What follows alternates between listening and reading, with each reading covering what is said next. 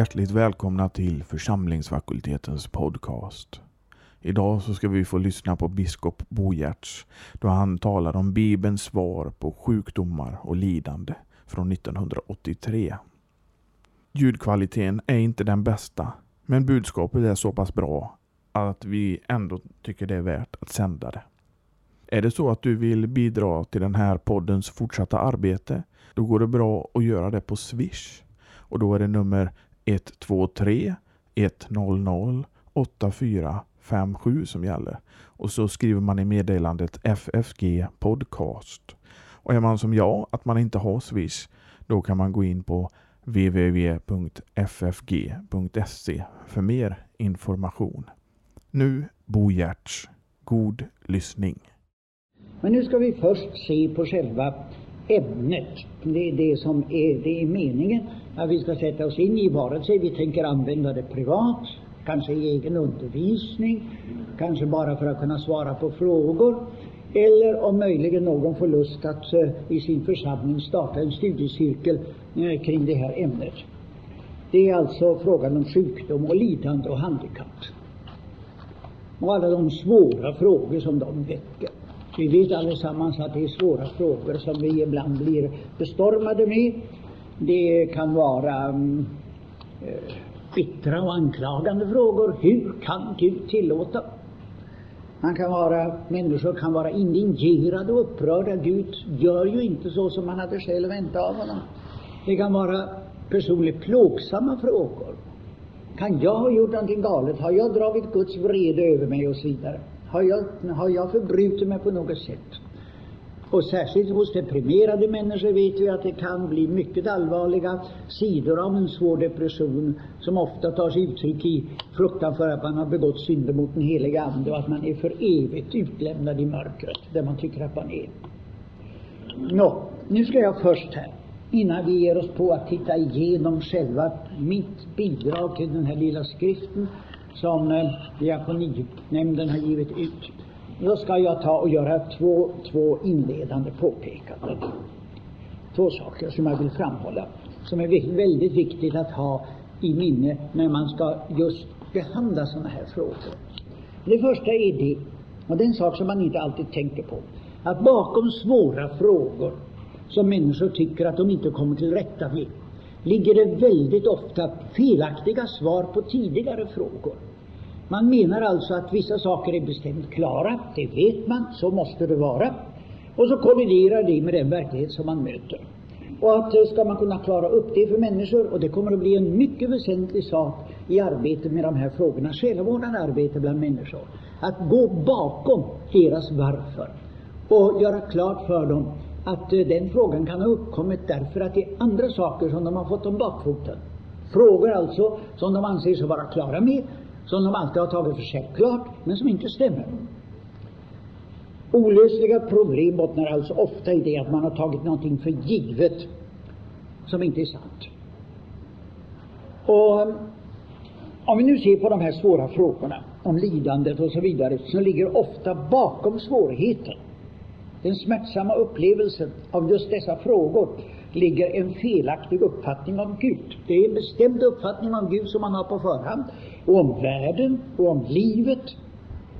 Man har tagit någonting för självklart som i själva verket icke stämmer. Och det beror på att den gudsbild som människor i allmänhet har, det är den som tillhör folkreligionen. Det hör ju till det nya i eh, våra dagar att man har fått klart för sig att det finns en folkreligion, att det finns en religion som inte är kristendom, men som ofta tas för kristendom. Den kan vara ett förstadium till kristendomen, och den är mycket vanlig. Människor som anser sig själva vara på sätt och vis kristna, går inte mycket i kyrkan, tror i alla fall att Gud finns, ber kanske sin aftonbön, tar för givet att barn ska döpas och konfirmeras, att man själv ska gifta sig kyrkligt om man gifter sig, och, och så ska man vara, vara eh, ha kyrklig begravning naturligtvis. Och man räknar sig som, som en som håller på i kyrkan och har med dit. Men den religion som man har, det är inte den kristna. Utan det är en allmänreligiositet, en slags eh, tämligen förnämlig hedendom. Eh, det är nämligen en religion som kan finnas också bland hedningar. Den har sin grund i vad vi kristna kallar för den allmänna uppenbarelsen. Man kan ju möta Gud alltså i naturen, det vet vi, i skapelsen. Ställas inför honom, någonting majestätiskt och bjudande och samtidigt fascinerande som, som tar oss fångna som kommer, ibland tränger sig på oss och fyller vår själ med vissheten om att det finns någonting bortom bergen och blommorna och sången som skalden sjunger och så vidare. Och vidare har vi alla upplevt att vi har rättsbegreppet samvete, ett överjag, någonting som, som eh, tar sig rätten och som vi i det längsta erkänner har rätten att säga det var illa gjort, det var skamligt, du borde ha gjort annorlunda. Någonting som kan lägga en dom över oss alltså. Man upplever alltså för det första att Gud finns, för det andra att han har vissa krav på oss människor, att man ska leva rätt, och så ingår det också i det, som det tredje, ett evighetshopp, en känsla av att det kan inte vara slut med döden. Det där är sådana moment i religion som man finner också hos de primitivaste folk. Eh, och där är förresten ibland renare än, än eh, så kallade kulturfolk. Det hör ju till de stora upptäckterna i religionshistorien i vårt sekel, att religionen visst inte har utvecklats från en primitiv början med tro på knappast personliga andar, utan att den eh, tvärtom har, finns redan från början med just dessa beståndsdelar. Att eh, mångguderiet av typ gamla Egypten, gamla Grekland, nuvarande Indien och så vidare, snarare som Nathan Söderblom, den store religionshistorikern, för det var han också, eh, ständigt sa, det är en generation, det är en förvrängning av religionen, den ursprungliga. Den ursprungliga ligger mycket närmare vad vi kristna bekänner i första artikeln. Nåväl. Alltså, det, människan har alltså utan Bibel, utan Kristus, möjlighet till en viss gudskontakt och en aning om Gud, om rätten, om livets mening. Men bara en aning, men de finns där. Och eh, det är huvudbeståndsdelarna i eh, svensk folkreligion. Man tror att det finns en Gud, man menar att man ska följa sitt samvete och göra det rätta. Man hoppas på ett evigt liv efter döden. Det är de tre huv eh, huvudtankarna.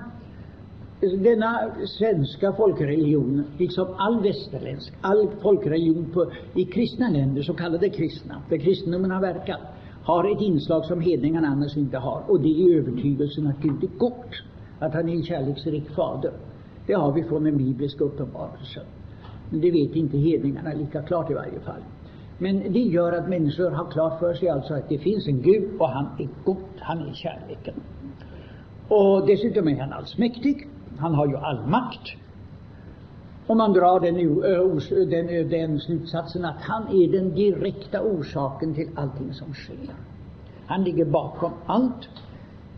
Han är liksom ensam på plan. Och därför ska han svara för allting som sker. Vad som saknas här av den bibliska uppenbarelsen, det är den onda makten, det är djävulen.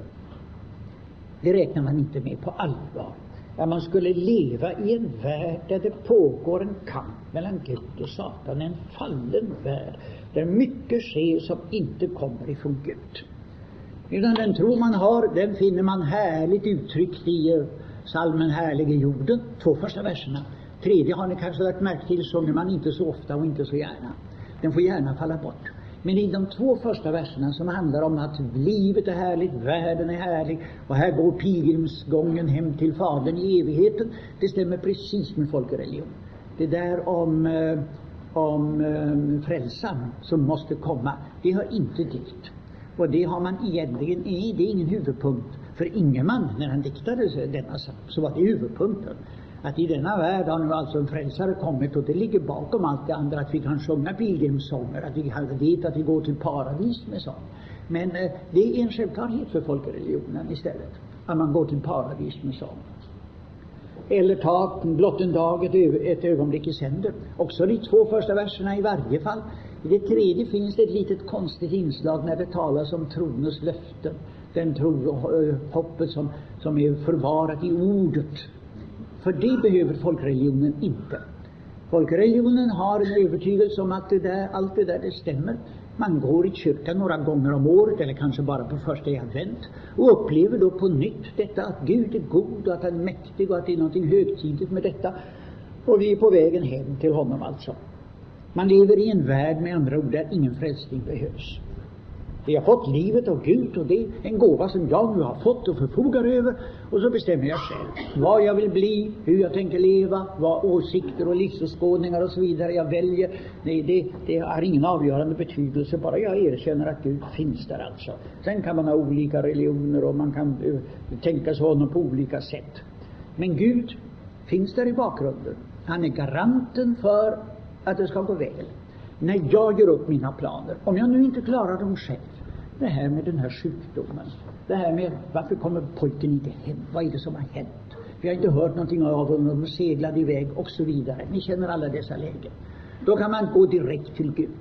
Och han som ska tjänstgöra som ett slags olycksfallsförsäkring, livförsäkring, eh, brandförsäkring, eh, han ska då rycka in och se till att det hela klarar sig när man kallar på honom. För nu behöver jag honom verkligen, för en gångs skull. Medan jag annars eh, huvudsakligen klarar livet på egen hand. Och det är här alltså som, som eh, problemen kommer. Den människa som ville ha Gud på sitt egna villkor, ibland kom lite närmare, som det brukar uttryckas som en gudomlig närvaro, namnlös, intim. Det har till och med beskrivits som den nya tron av av en eh, prästvig prästlig person i Svenska kyrkan i en doktorsavhandling nyligen att detta är den nya tidens tro. Nej, det är den gamla människans, den gamla gångna tidernas tro. Det har man alltid kunnat ana sig till, att det finns denna namnlösa, intima, gudomliga närvaro som man överväldigas av någon gång, eller i varje fall känner som en ljuvlig liten fläkt av, av, eh, av eh, eh, från en annan värld. Ja, att vara religiös är alltså att ha sådana upplevelser. Det är de man söker i kyrkan, det är de vi präster ska locka fram. Eller egentligen gör kyrkomusikerna det bättre, många gånger. Det är därför vi har en våg av deltagande i eh, musikgudstjänster. Det är lättare att eh, ta till sig. Men allt nog är en Gud på våra villkor. Och med en sån syn är det klart att det är bäddat för problem. Och det är den som ligger bakom många av dessa var varför. Hur kan detta hänga samman? Hur kan något sådant ske med mig? Vad man inte vet alltså, det är att världen är full av lidande. Därför att vi lever i en fallen värld, där det händer saker som icke borde hända om Gud vore allgod och allsmäktig, säger man då, på det viset som, som människor gärna vill, lyckogaranten fungerar inte. Tvärtom kommer det olyckor och det kommer prövningar. Och detta vållar då bitterhet och besvikelse eller tar bort tron alldeles. Man liksom straffar Gud med att säga att han kan inte finnas. Och ändå är man bitter. Det är lite bristande logik i det där, för finns verkligen inte Gud, då är det ju meningslöst.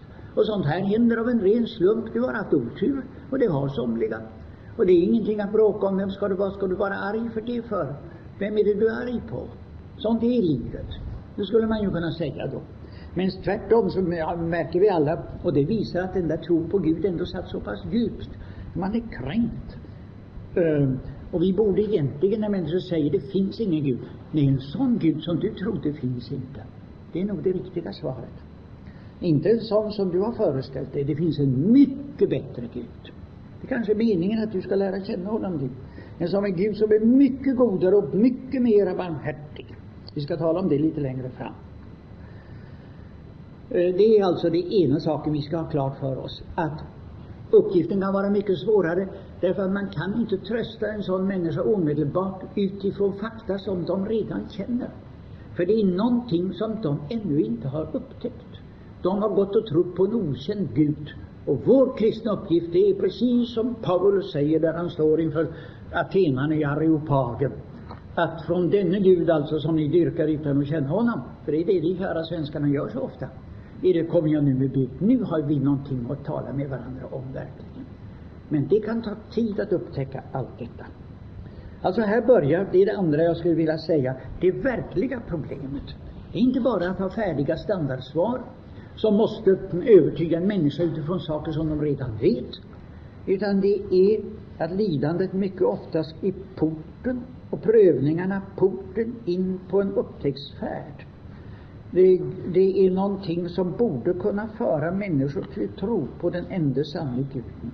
Och det är vår uppgift att försöka barmhärtigt och kärleksfullt lirka dem vidare på den vägen.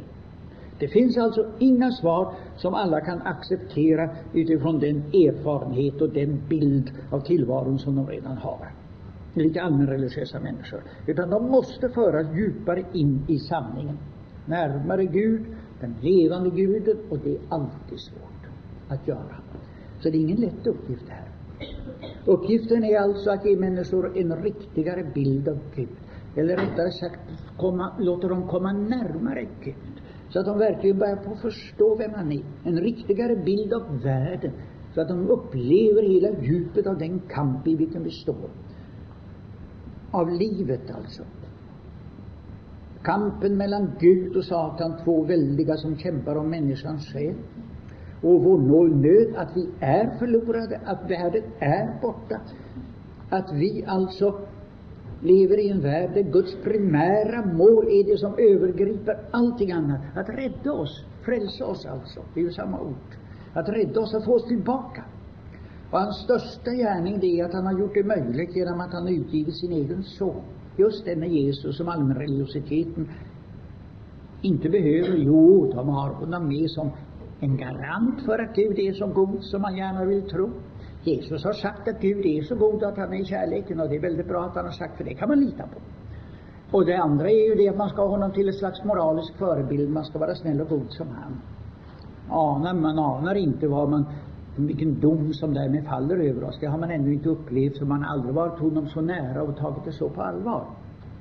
Nej, Gud utgav sin äh, egen son för att det skulle bli möjligt för oss genom den frälsning som han har utfört att hamna hos Gud i en gränslös trygghet där vi vet att allting blir väl, även det som vi inte begriper. Och nu är Guds sätt att handla bestämt av att det är detta mål som han har för ögonen. Och, det, det, är, det är, uppgiften är ju att få människor att sätta sin olycka, sin sjukdom, sin sorg in i detta stora sammanhang och inte fråga alltså vad har jag gjort eftersom Gud, för ont alltså, till exempel, eftersom Gud, eftersom detta har drabbat mig. Utan istället fråga, vad vill Gud göra?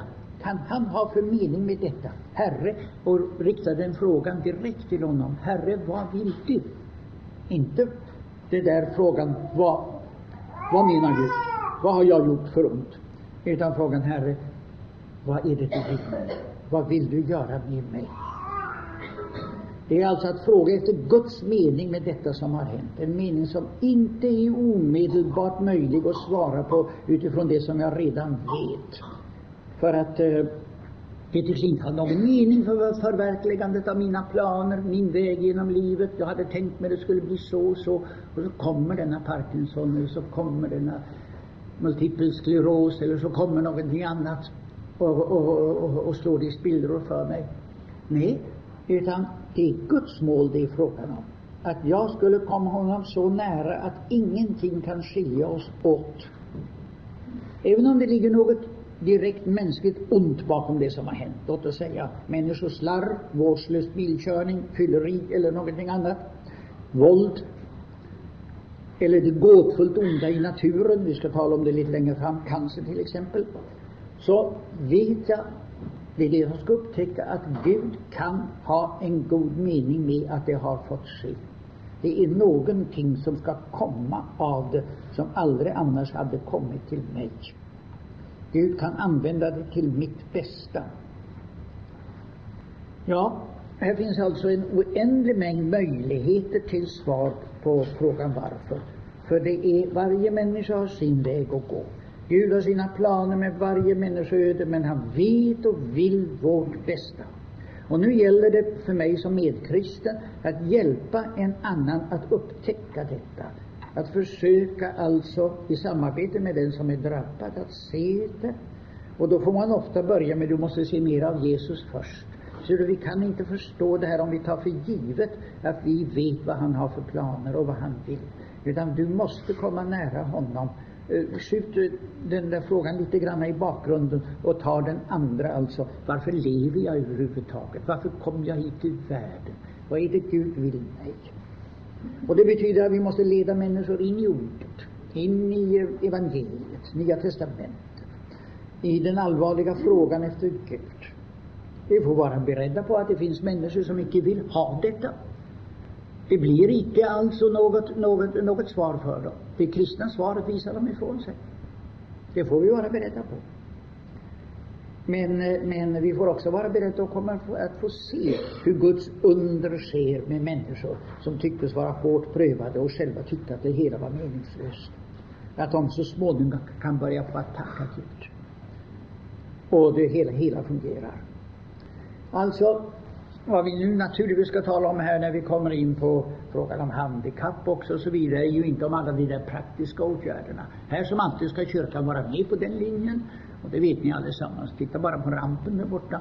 Det, det, det är sådana åtgärder som är ju väldigt bra att, att det görs. Men, men den verkliga uppgiften som kyrkan har, det är naturligtvis att hjälpa människor att se detta. Att finna alltså vad som kan vara Guds mening, den fördolda gåvan som kan ligga i, i en prövning. För Gud har nästan alltid en dold gåva där som man sen kan tacka för. Detta var alltså ungefär vad jag ville säga till inledning här. Innan vi tar oss en paus så börjar jag nu i alla fall. Och nu ska nästa led som jag kommer till, det är att jag tänker gå igenom de sidor jag har skrivit i det här för att stryka under. Hoppas att ni har, har ni boken med er allihopa? Ja, ja det är bra. Då tar vi och uh, uh, slår upp på sidan 4, alltså varför, vad Bibeln svarar. Och det är uppdelat i eh, rubriker. Den första skulle ha varit, det är satt med vanlig stil, men det skulle ha stått Varför har detta drabbat mig? Frågetecken. Det är alltså den frågan, och det har vi nu talat om. Och det kommer att bli er uppgift att eh, i gruppen i eftermiddag försöka eh, gå igenom och se vad ni har hört för frågor. Vi ska ta, försöka ta upp så många som möjligt av dem för att förstå människor, vad som kan ligga bakom och kanske samtala om hur man griper sig an i en sån situation alltså. Ja, det kan vi gå förbi. Så kommer då alltså huvud, det bibliska svaret som vi nu ska lyssna till. Var kommer lidandet ifrån? På sidan 5 kanske, om jag får ta det så enkelt att jag ber er stryka under några saker. Så ser ni andra stycket där frågar vi nu Jesus vad allt lidande beror på, så är det ingen tvekan om svaret. Vill ni stryka under sen? Det kommer från en ond makt, en Guds fiende. Det är alltså det första och primära som vi har att säga om lidandet, det är att lidandet finns i världen, det beror på syndafallet, det beror på synden, det beror på att det finns en ond makt som vill förstöra och förvanska Guds goda skapelse, som det står här. Det kommer från honom som kallas för fördärvaren, mandråparen. Han är sönderbrytaren och förstöraren alltså. Ja. Och så i slutet på det stycket står det, stycke under det, det säger Jesus oss så klart som det kan sägas. Detta är vårt stående svar när människor sätter djävulen i fråga. Och det är det, ja men vad gör du med Jesus då? Det är ingen tvekan om att han säger, talar om Satan mycket, om hans rike, om hans planer, om vad han gör, om hans änglar. Det är ingen tvekan om att Jesus lär detta. Och jag förstår inte hur man ska kunna tro på Jesus, som människor dock brukar ha respekt för, om man inte vill tro på detta. Och då följden av om man inte gör det, det står i, i, i eh, eh sista stycket på, på samma eh, kapitel. Vill man inte erkänna att djävulen finns så får man ge Gud skulden för alla onda gärningar och allt lidande. Det kan ni stryka under också. Vill man inte erkänna att djävulen finns så får man ge Gud skulden för alla onda gärningar och allt lidande. Och det är det som människor ofta gör. I mellanstycket där, det som börjar vi lever alltså, tror jag att man ska stryka för i eh, fjärde raden. Det finns alltså något i världen som Gud aldrig har velat. Det måste vi ha klart för oss och få människor också att, att veta och förstå. Det finns något i världen som Gud aldrig har velat. Det måste vara utgångspunkten så snart vi står inför eh, lidande. Eh, vi ska se förbehållen sen och alltså det hela. Men, men har man inte det klart för sig, då får man hela problemet om bakfoten. Om nu människor alltså, alltså eh, eh, eh har klart för sig att eh, det onda kommer från djävulen, då kommer naturligtvis frågan med detta, och nu kommer nästa kapitel som Gud icke vill. Frågan blir då, varför hindrar han det inte? Varför hindrar Gud det inte? Och där har ni en, två, tre, fem rader från, nerifrån på sidan, så står det, han kunde göra det. Och redan nu, han kunde göra det redan nu, genom att göra slut på alla som på något vis vållar andra smärta och lidande. Men det vill han inte, av ren barmhärtighet och godhet. Han älskar ju också dem som åldrar smärta och lidande. Jag har ofta funnit att det är ett slag som människor också som ännu står ganska långt ute i utkanten Eh, fattar. När man säger det, när de säger men varför hindrar inte Gud allt och alla orätter och alla krig och allt som vållar lidande? Och du glad, brukar jag säga, att han inte gör det. Hör du, tänk om Gud nu i eftermiddag, i denna, på denna dag, skulle plocka bort ur världen alla som man vet att kommer att vålla lidande, göra någon människa ledsen, göra livet tyngre för andra. Plocka bort dem, inte bara de stora bovarna, för det hjälper inte, förstår du. Det mesta lidandet, det, det, det får människor ofta utstå hemma. Elakheten vid frukostbordet, det hårda, hårdhjärtade tigandet, elakheten, otroheten och allt det där andra.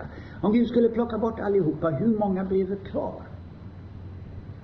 Varför låter Gud dem leva kvar? Därför att han vet att många bland dem kan bli hans älskade barn som han får hem. Och han vill inte låta domen gå nu. Han kommer en gång när han är färdig att göra det. Men vi kan vara tacksamma när vi tänker på oss själva och på våra anhöriga och på många andra. Att Gud ändå ger oss vad vi kristna kallar en nådatid. Och så länge Gud ger oss det vet han att han har människor som han vill vinna och kan vinna. Och så kan ni sticka för sista raden där. Även till priset att så många fortsätter att göra det som Gud aldrig har velat. Även till det priset låter han vår onda värld bestå. Hellre än att göra den stora radikala rensningen som man kommer att göra en dag. Det där har människor inte tänkt på. Och det, men det brukar kunna sätta eh, tankeapparaten igång. Och jag har aldrig hört någon, eh, någon verklig motsägelse på den punkten. Nej, men det kanske ändå är väl. Tänk om Gud skulle använda sin allmakt till att göra slut på allt ont. Se, vad människor vill, det är att han ska pilla det och styra det så att de onda människorna, att vi får fortsätta att synda på alla möjliga områden, i ekonomin och sexuellt och så vidare. Men han ska se till att just de onda följderna, att de inte drabbar oss. Det är det människor faktiskt vill. Men eh, det brukar de förstå att det, det är ändå inte, eh, i varje fall kan det inte vara Guds stora intresse. Men nu kommer vi vidare. Nu kommer vi alltså till en mycket svår punkt på nästa sida och det är, den är bara antydd där och den kanske borde ha diskuterats utförligare.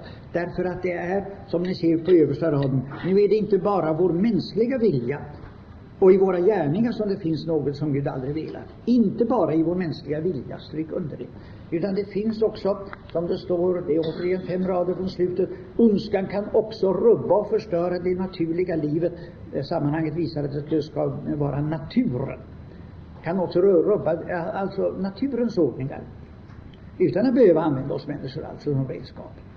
Eh, Jesus talar om ormar och skorpioner. Tre sista raderna kan ni gärna stryka för i katten där. Han talar om ormar, eh, ormar och skorpioner som Jesus räknar till det som fienden bådar upp. Det är taget ur min översättning. Det är ju ondskans härsmakt, står det i den gamla översättningen. Jag minns inte hur NT 81 säger där. Man kan göra detsamma. Men det, han, det räknar i alla fall någonting som står till ondskans förfogande. Ja, och eh, ondskan kan använda sjukdomen. Och så säger jag kanske bakterierna eller det uppror mot skapelsens ordning i våra celler som vållar cancer. För min del är jag övertygad om att det är så, men försiktigtvis har jag skjutit in ett kanske där.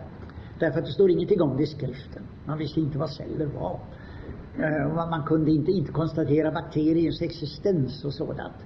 Men, men Eh, Eh, att eh, ondskans makter, alltså farsoten som drabbar eh, vid middagens ljus och så vidare, Eh, ni vet i salmen, det, det, det, det har man räknat till det, till det onda som Gud måste skydda oss ifrån. Där. Att det ligger något i det.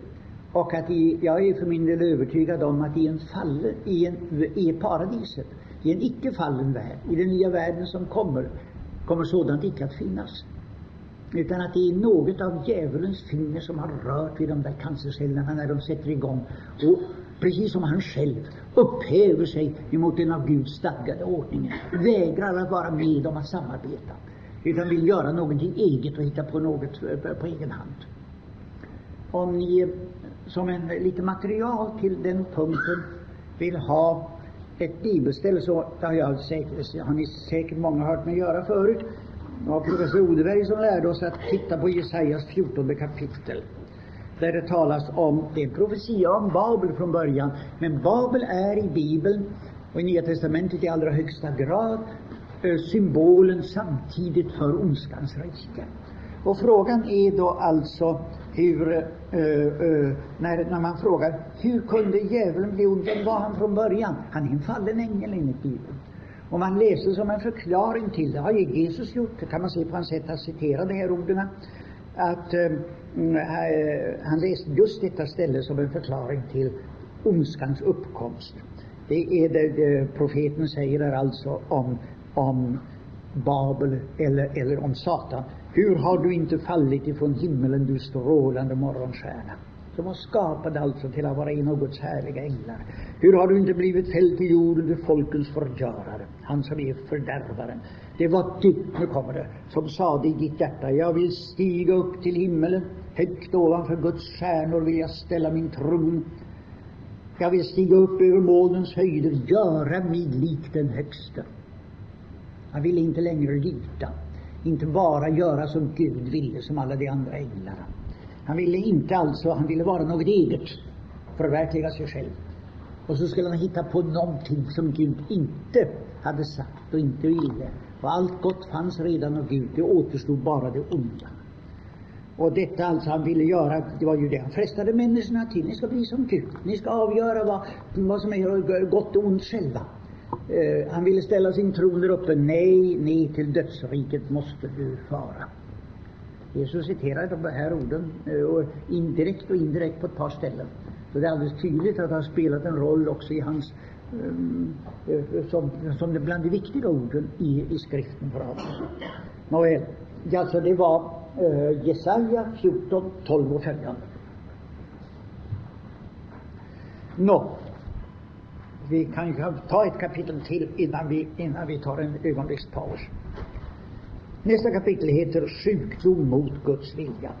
Och som exempel på att sjukdomen verkligen kan vara någonting som kommer ifrån det onda har jag tagit är, är, berättelsen ur Lukas 13 om den där kvinnan som var hopkrumpen och som Jesus botade på sabbaten. Och där säger han, det står i slutet av andra stycket, att hon, en Abrahams dotter, som Satan hållit bunden i hela 18 år. Som Satan hållit bunden i hela 18 år.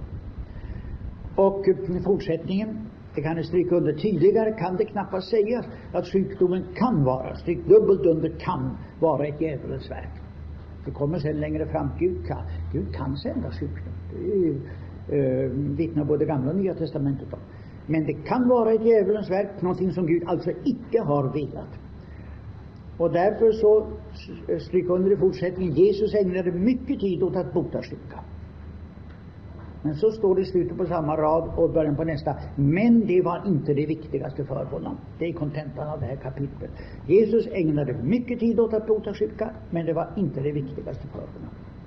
Redan i Markus första kapitel har vi ju berättelsen om den stormande framgången i Kapernaum när han botade människor på kvällen och nästa dag går bort och drar vidare och säger, som det står i sista raden på det kapitlet, att han måste gå till byarna här omkring så att jag får predika där. Det var därför jag har gått ut. Predika, därför har jag gått ut alltså. Det var det viktigaste. Då kommer frågan, varför botade han då överhuvudtaget sjukan? Nu kan ni ta och se på sidan 7, första, andra stycket alltså, det första är tre rader och så kommer det. Svaret är, det hörde med till hans budskap. Vilket budskap står på nästa rad? Jesus var ju Messias, den utlovade, den som skulle upprätta Guds rike. Som en gång skulle göra allting nytt och hade makten till det alltså. Och det skulle visa sig också i detta nu. Att halta gick, döva hörde, blinda såg och så vidare. Spetälska blev rena. Jesus var ju Messias som skulle upprätta Guds rike.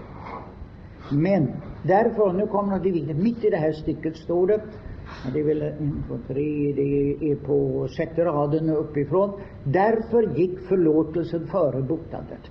Därför gick förlåtelsen före botandet. Det var det avgörande om det skulle bli verklig hjälp. Stryk gärna för de två sista raderna också. Detta var det viktigaste. Förutsättningen för att en människa i nöd verkligen ska bli hjälpt. Varaktigt och inte bara för tillfället. Detta var det viktigaste.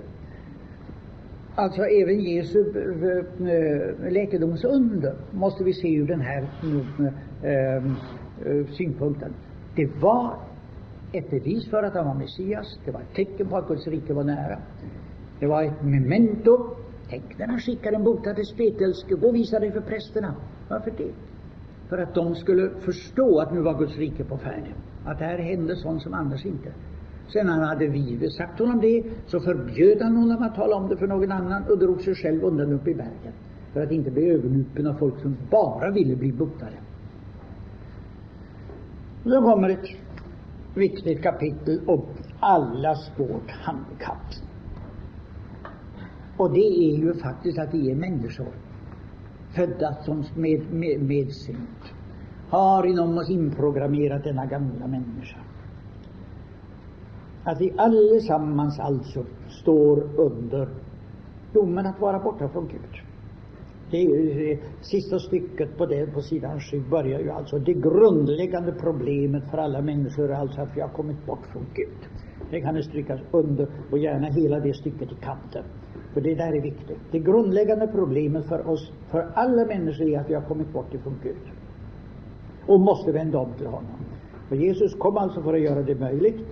Inte bara så att han uppmanade människor att göra bättring, utan också så att han tog på sig vår skuld gjorde det möjligt för varje människa att få förlåtelse för allt och att få leva som Guds barn trots att vi här i livet alltid kommer att ha kvar vår gamla människa med dess egen nytta, alltså någonting ont som vi dagligen får kämpa emot och som gör att vi alltid behöver syndernas förlåtelse.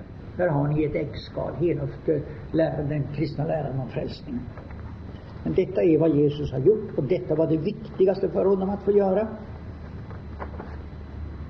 Man kan säga att undren var bara en del av beviset för att han verkligen var kommen att göra detta, att såsom Guds son frälsa skapelsen och göra det möjligt för den att återupprättas. Och vi hade hunnit till sidan åtta. Där kommer ett, eh, jag kallar det för kapitel eller avsnitt som heter Varför Gud handlar som han gör.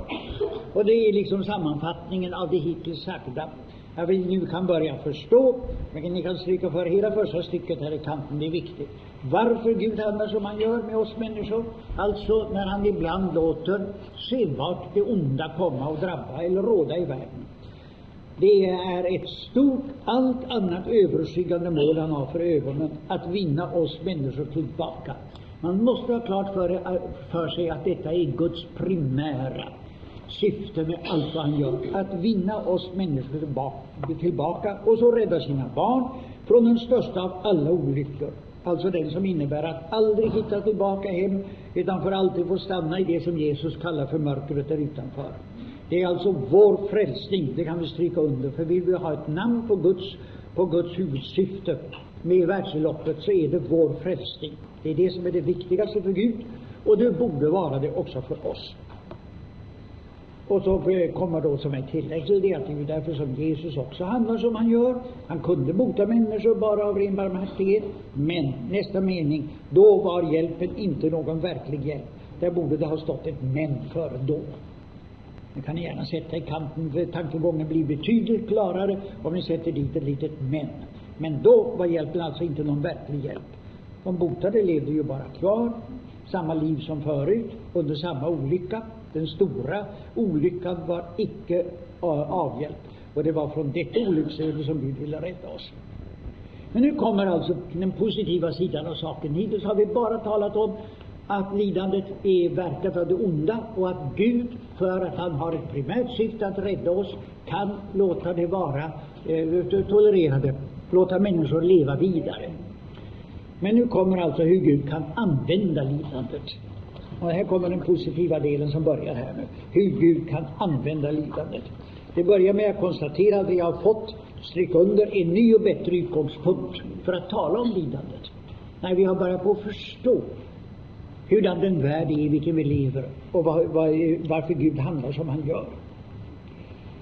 Um, och eh, då avfärdas först att uh, det är eh, uh, fastän lidande alltså ytterst beror på synden, tredje raden, så, och det inte skulle finnas i en värld utan synd, så är det eh, viktigt att komma ihåg vad som står på den fjärde, att nu just jag har dragkraft behöver inte betyda att mitt särskilda lidande beror på min särskilda synd. Det trodde judarna. Men Jesus avvisar det alldeles klart. Det, jag ska inte tro att mitt särskilda lidande skulle bero på min särskilda synd. Det beror helt enkelt på att jag lever i en värld där lidandet finns och där synden finns. Och att jag, liksom alla andra, är borta ifrån Gud. Jag tar som exempel den blindfödde mannen. De frågar honom vem det är som har syndat. Och det står nästa stycke, tre rader från slutet, mannens olycka hade inte med någon viss synd att göra, men att Gud hade en mening med den. Det är ju det som Jesus svarar. Den ska vara till Guds förhärligande. Den berodde icke på någon viss synd, säger han, men Gud hade en mening med den. Sen är det viktigt också vad som står i hela det nästa stycke, åtminstone från fjärde raden kan ni gärna stryka för i kanten. Ehm, alltså, vi ska inte fråga efter vem som har syndat här. Istället ska vi fråga efter Guds mening. Inte vad har jag gjort för ont, utan vad vill Gud göra med mig? Det första och säkraste vi kan säga om lidandet är lidandet är personligt, alltså, som drabbar oss det är att det ligger något av en Guds inbjudan i det, när det drabbar mig personligen. Eh, det här är inte tal om det allmänna lidandet i världen i största allmänhet sådär. Men när jag tar, verkligen själv drabbas, då ligger det en kallelse att komma närmare Gud. En kallelse att komma närmare Gud. Gud vill låta mitt lidande bli till välsignelse. Det ligger något slags mening i det. Det som nu Gud vill tala med oss om, det är inte i första hand det som vi själva upplever som vårt stora problem. Med sorg och ensamhet och så vidare, utan det gäller det verkligt stora problemet, hur vi ska komma i ett rätt förhållande till Gud. Det är den stora frågan. Hur vi ska komma i ett rätt förhållande till Gud, så att vi kan bygga hela vårt liv och vår framtid på den rätta grunden. Den som bär vad som än händer. Men ni kommer ihåg psalm 377, närmare Gud till dig, om det än blir ett kors som lyfter mig. Svenska psalmboken 377, 1. Där har ni något av det. De gamla här på västkusten brukade i själavården säga att det kan vi säga här, kanske anteckna, att li, endera förbättrar lidandet eller också förbittrar det. Alltså lidandet endera förbättrar eller förbittrad. Och det är det människan ska tänka på när man sitter i, i, i lidande och är hemsökt mer än andra. Det kan vara någonting som bara leder till att jag blir bittrare, men det kan också leda till att jag blir en bättre människa som är ett bättre grepp om livet, med bättre möjligheter att, att, att vara andra till gagn. Detta ligger nu i nästa kapitel, att bli tagen avsides. Och det har ni ju som diakonitjänare mycket, där ständigt får tala om och möta och se vad det kan betyda. Att bli tagen avsides. Ni kan kanske stryka före sista delen här, det är en tio sista rader, stryk i kanten där, från det vi kommer kanske att upptäcka, för här talas lite grann om vad som brukar vara något av de första upptäckten som man får göra, ja, det första ska jag inte säga, utan den upptäckten som man får göra under ett långt lidande. Vi kommer kanske att upptäcka att Gud är alldeles annorlunda än vi hade tänkt oss. Vi trodde kanske att han var allsmäktig på det viset, att han är den direkta orsaken till allt som händer. och att han ensam har bestämt att just så skulle det bli, till exempel med mitt lidande. Vi trodde kanske att han var god på det viset, att han skulle ge oss vad vi helst ville ha, även om vi inte frågade efter det som han helst ville ge oss, och som var nödvändigt för att vi skulle kunna leva som hans barn. Det är ju mycket vanligt med människor som i en viss nödsituation tar till bönen och verkligen ber av hjärtat om det jordiska goda, för det fick till och med konfirmanderna lära sig att bedja av hjärtat. Det kan också en oanvänd människa göra någon gång. Men, men eh, då trodde man alltså att Gud var till för att ge mig det som jag helst ville ha, fast jag aldrig hade frågat efter det som han helst ville ge. Men nu ser vi istället, sedan vi har varit avsidestagna, hur det verkligen är att vi lever i en fallen värld där Gud har gjort sitt yttersta för att rätta oss, för att vinna oss tillbaka, när han lät sin son dö för vår skull. Kanske var det för att öppna våra ögon som han förde oss in på denna vägen, där vi skulle få möta honom på allvar. Men då var det ju, det ska vi kan ni stryka särskilt under, då var det ju själva verket hans kärlek till oss som kom honom att handla så som han gjorde. Här börjar människor kunna ana, när de har förstått, märkt att under en sjukdomstid eller i en sorg har kommit Gud närmare, att jag har Gud på ett annat sätt nu. Tänk om det var hans kärlek som förde mig in i detta. Eller att han i varje fall använde det som onda människor och onda makter anstiftade till att jag fick en vinst av det till slut. Nu talas det om hjälpen som vi får som kan vara dels hälsa och dels att komma närmare Gud. Eh, eh, till att börja med konstateras här att vi ska inte tro att vi har ett villkorslöst löfte om att det ska bli som, som att Gud hjälper bara vi ber. Som det står mitt i första stycket. Vi ska alltså inte räkna med att Gud hjälper bara vi ber. Det helt, sägs ibland i primitiv förkunnelse. Det har eh, med det lilla tillägget att om vi tror i varje fall så får vi allt vad vi ber om. Men det är inte på det viset. Eh, nu kan människor som inte har någon tro ändå betrakta förbön som en behandlingsmetod ungefär. Tre sista raderna, det ska jag bara berätta för er att det var professor Birat som förresten här i denna sal för oss präster en gång när han talade om helbrägdagörelse berättade att det händer att det kommer människor till honom som talar om att, nu har vi försökt med den behandlingen och det och det och ingenting hjälper. Men vi har hört att det, det att det, det hjälper alltså med förbön, så nu hade vi tänkt oss att vi skulle försöka med lite förbön. Ja. Uh, och det inlät han sig aldrig på, sa han. Och han försökte förklara för dem att så går det inte till. Och det är det som det syftas på här, att det händer att människor som förgäves prövat alla tänkbara behandlingsmetoder som en sista metod, alltså någonting med vilket man kan framkalla hälsa, ska, ska vill försöka med förbön. Där man bara vill utnyttja alltså en annan hemlighetsfull kraft. Det ligger en kraft i medicinen, men det kan ju ligga en kraft i det där med Gud också, men då ska vi se om vi kan använda den nu. Men det är magi, det är inte religion. Och det går inte. Ja, och då har vi att räkna med möjlighet, nästa stycke, att förbli sjuk fast man tror. Och där tror jag att ni ska stryka kvar hela det stycket i kanten. Det har nämligen fått en oanad aktualitet sedan det här skrevs. Och det är genom den så kallade framgångsteologin den som i sina extrema former direkt säger att där det finns tro behöver det aldrig finnas sjukdom. Där det finns tro går allting att övervinna.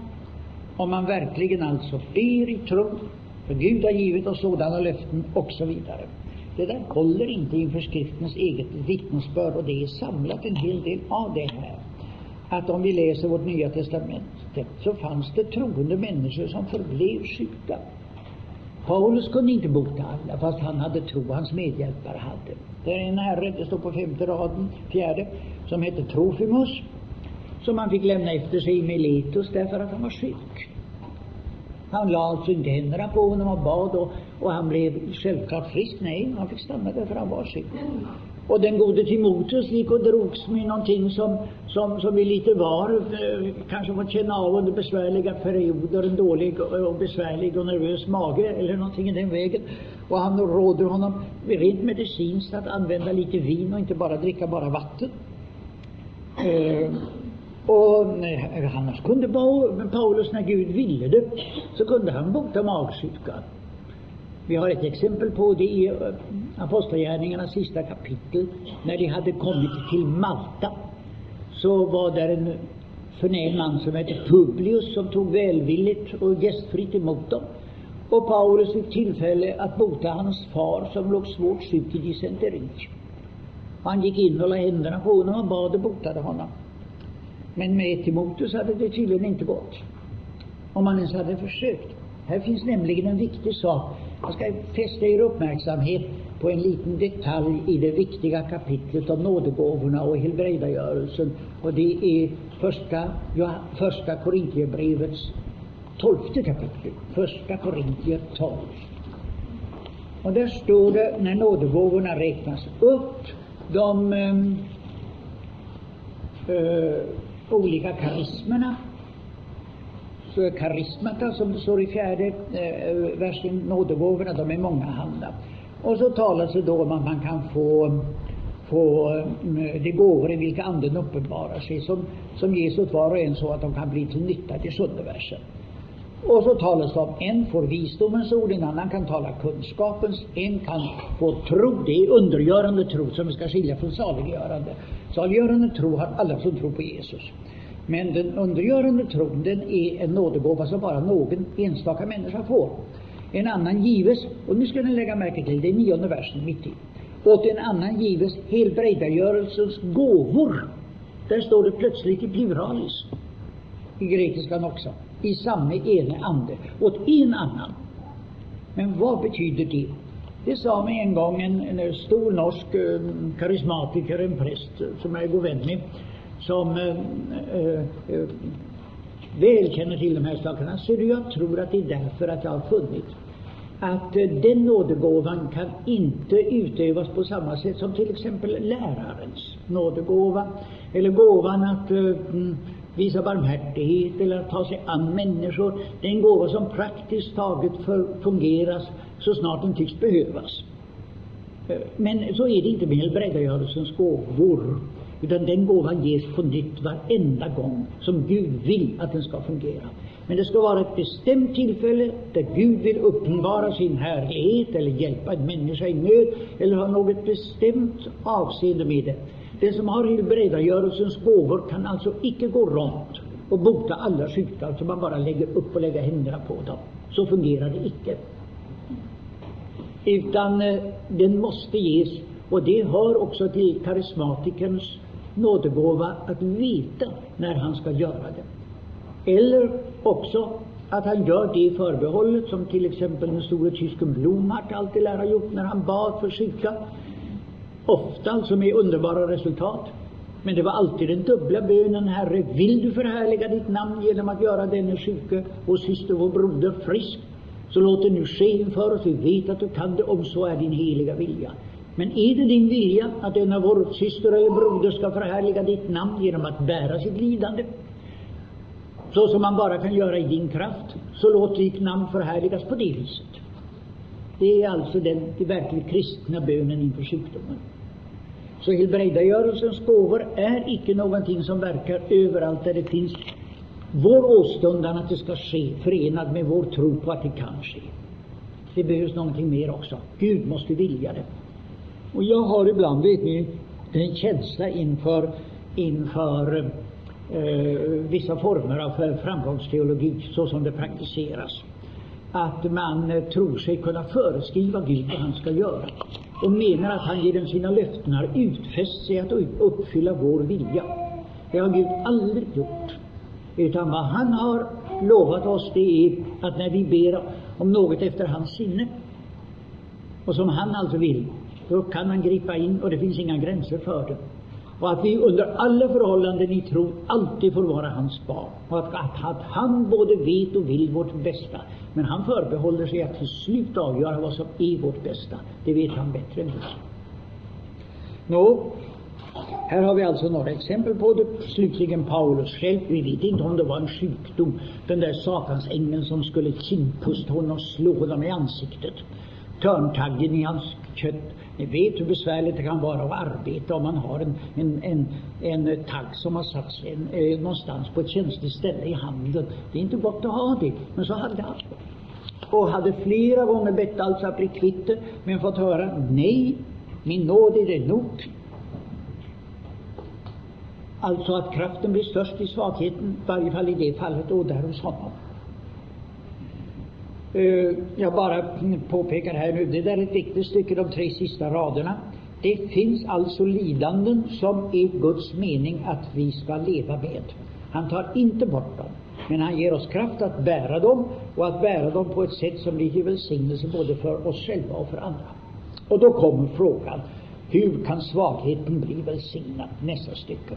Jo, först för min egen del, att det är en tuktan som jag behöver. Andra raden, Paulus säger, slutet där, för att jag inte ska förhäva mig. Han visste att han hade detta kvar, någonting som förödmjukade honom, men det behövde han. Vi har en gammal människa kvar och den måste hållas i styr.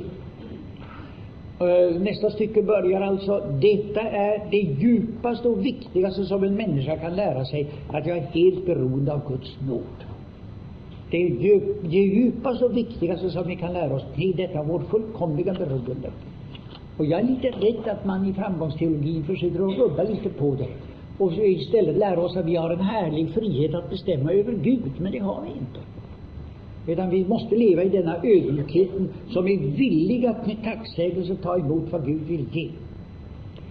Och så eh, ska vi komma ihåg en sak till, eh, under understa raden där på sidan 10. Det är av kärlek som, till oss som Gud kan tukta oss. Anteckna gärna Johannes 15.2 där. Ni vet den stora liknelsen om, om grenarna i vinträdet. Den som bär frukt, den rensar han. Han beskär den. Tar bort vissa saker som vi gärna ville ha. Eller på annat sätt.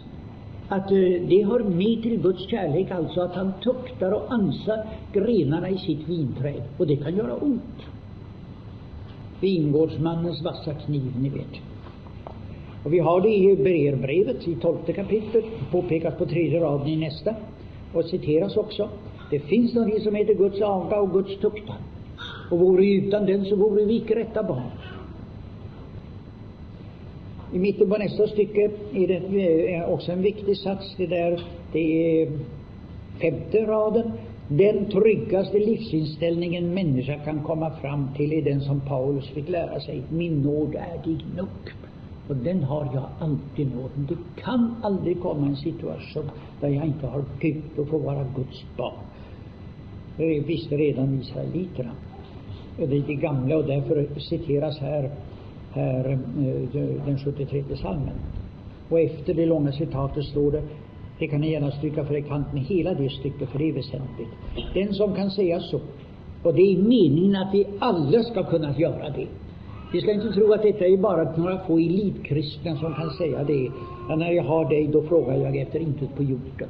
Gud vill föra oss alla fram till denna gränslösa trygghet, som för världens barn är den största av all osäkerhet. Vad kan Gud hitta på? Ja, men det är alltid bra det han hittar på, svarar den kristen.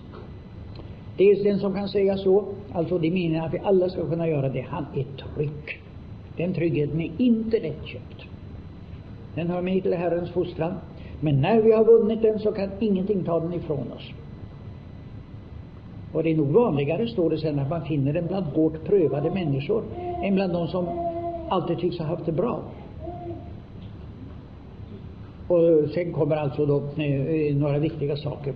Men vi ska snart sluta, så vi bara stryk före där i kanten. Och de styckena som återstår tar vi nu så mycket vi hinner. Nästa talar om lidande som blir andra till välsignelse.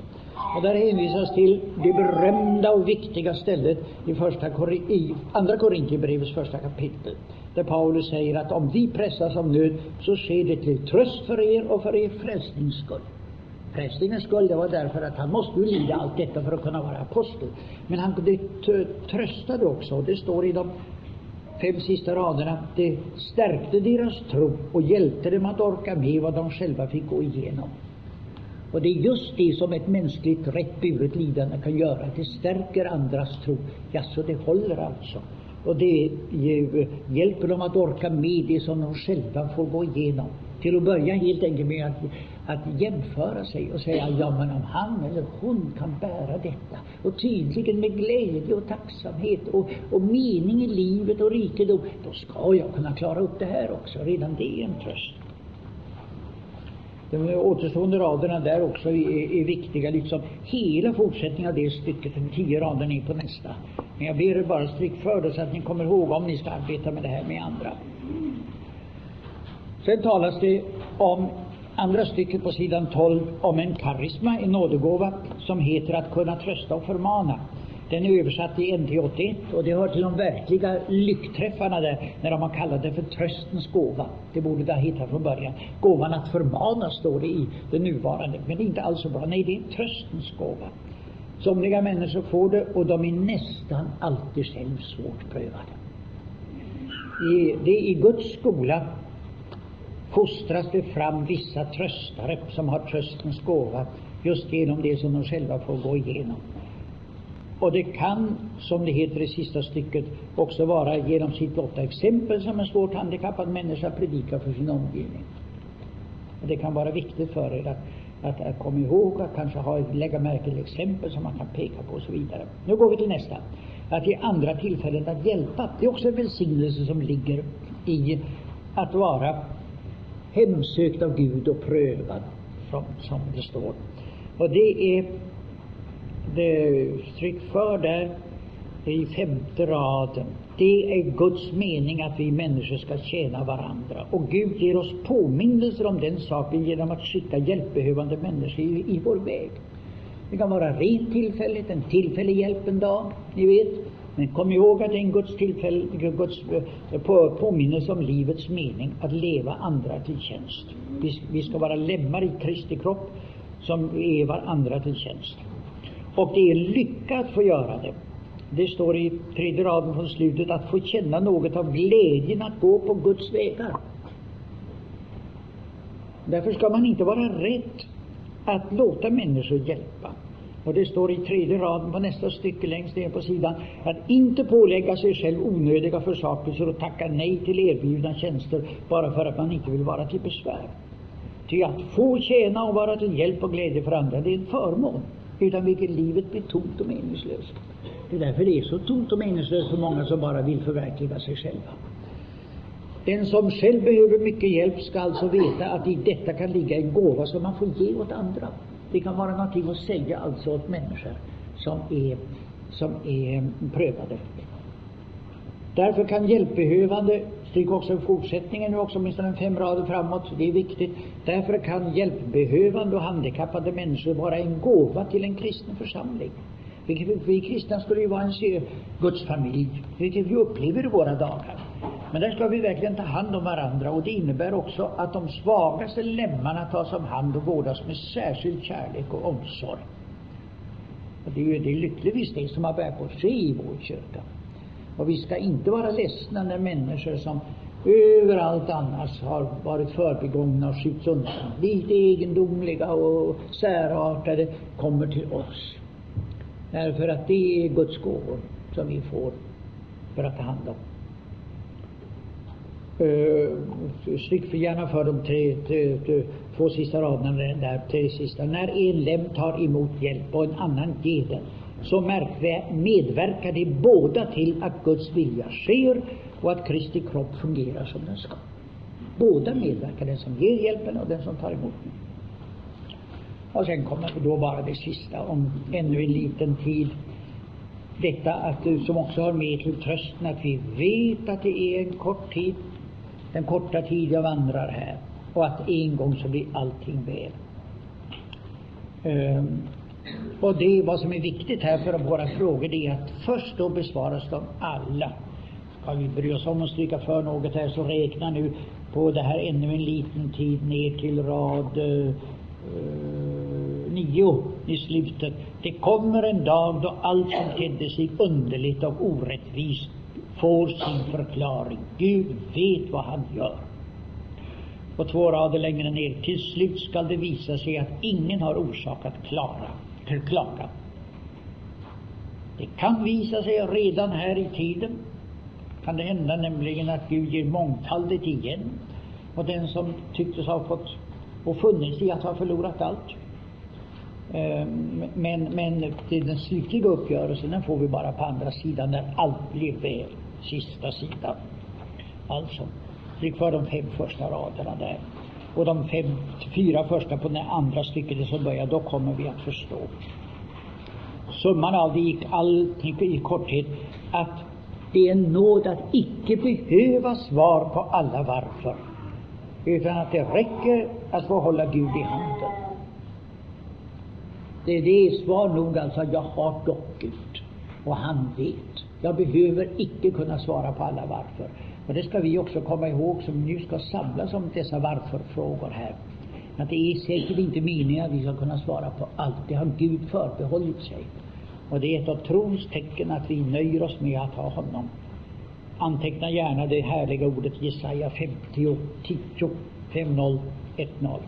50, 10. Ni vet det där ordet, vem är bland eder som fruktar Herren och hör hans tjänares röst. Om han än vandrar i mörkret och icke ser någon ljusning, så förtröstar han dock på Herrens namn och stöder sig vid sin Gud. Det är ändå det slutliga svaret på allt, att vi har Gud och då kan vi också stilla alla våra varför och lägga ner dem och veta att Gud både vet och vill vårt bästa. Han... Det var biskop Bo Giertz från 1983. Nästa vecka så ska vi få lyssna till Karsten Wang från meningsfakulteten i Århus när han talar om vålds och hemtexter i Gamla Testamentet. På återhörande.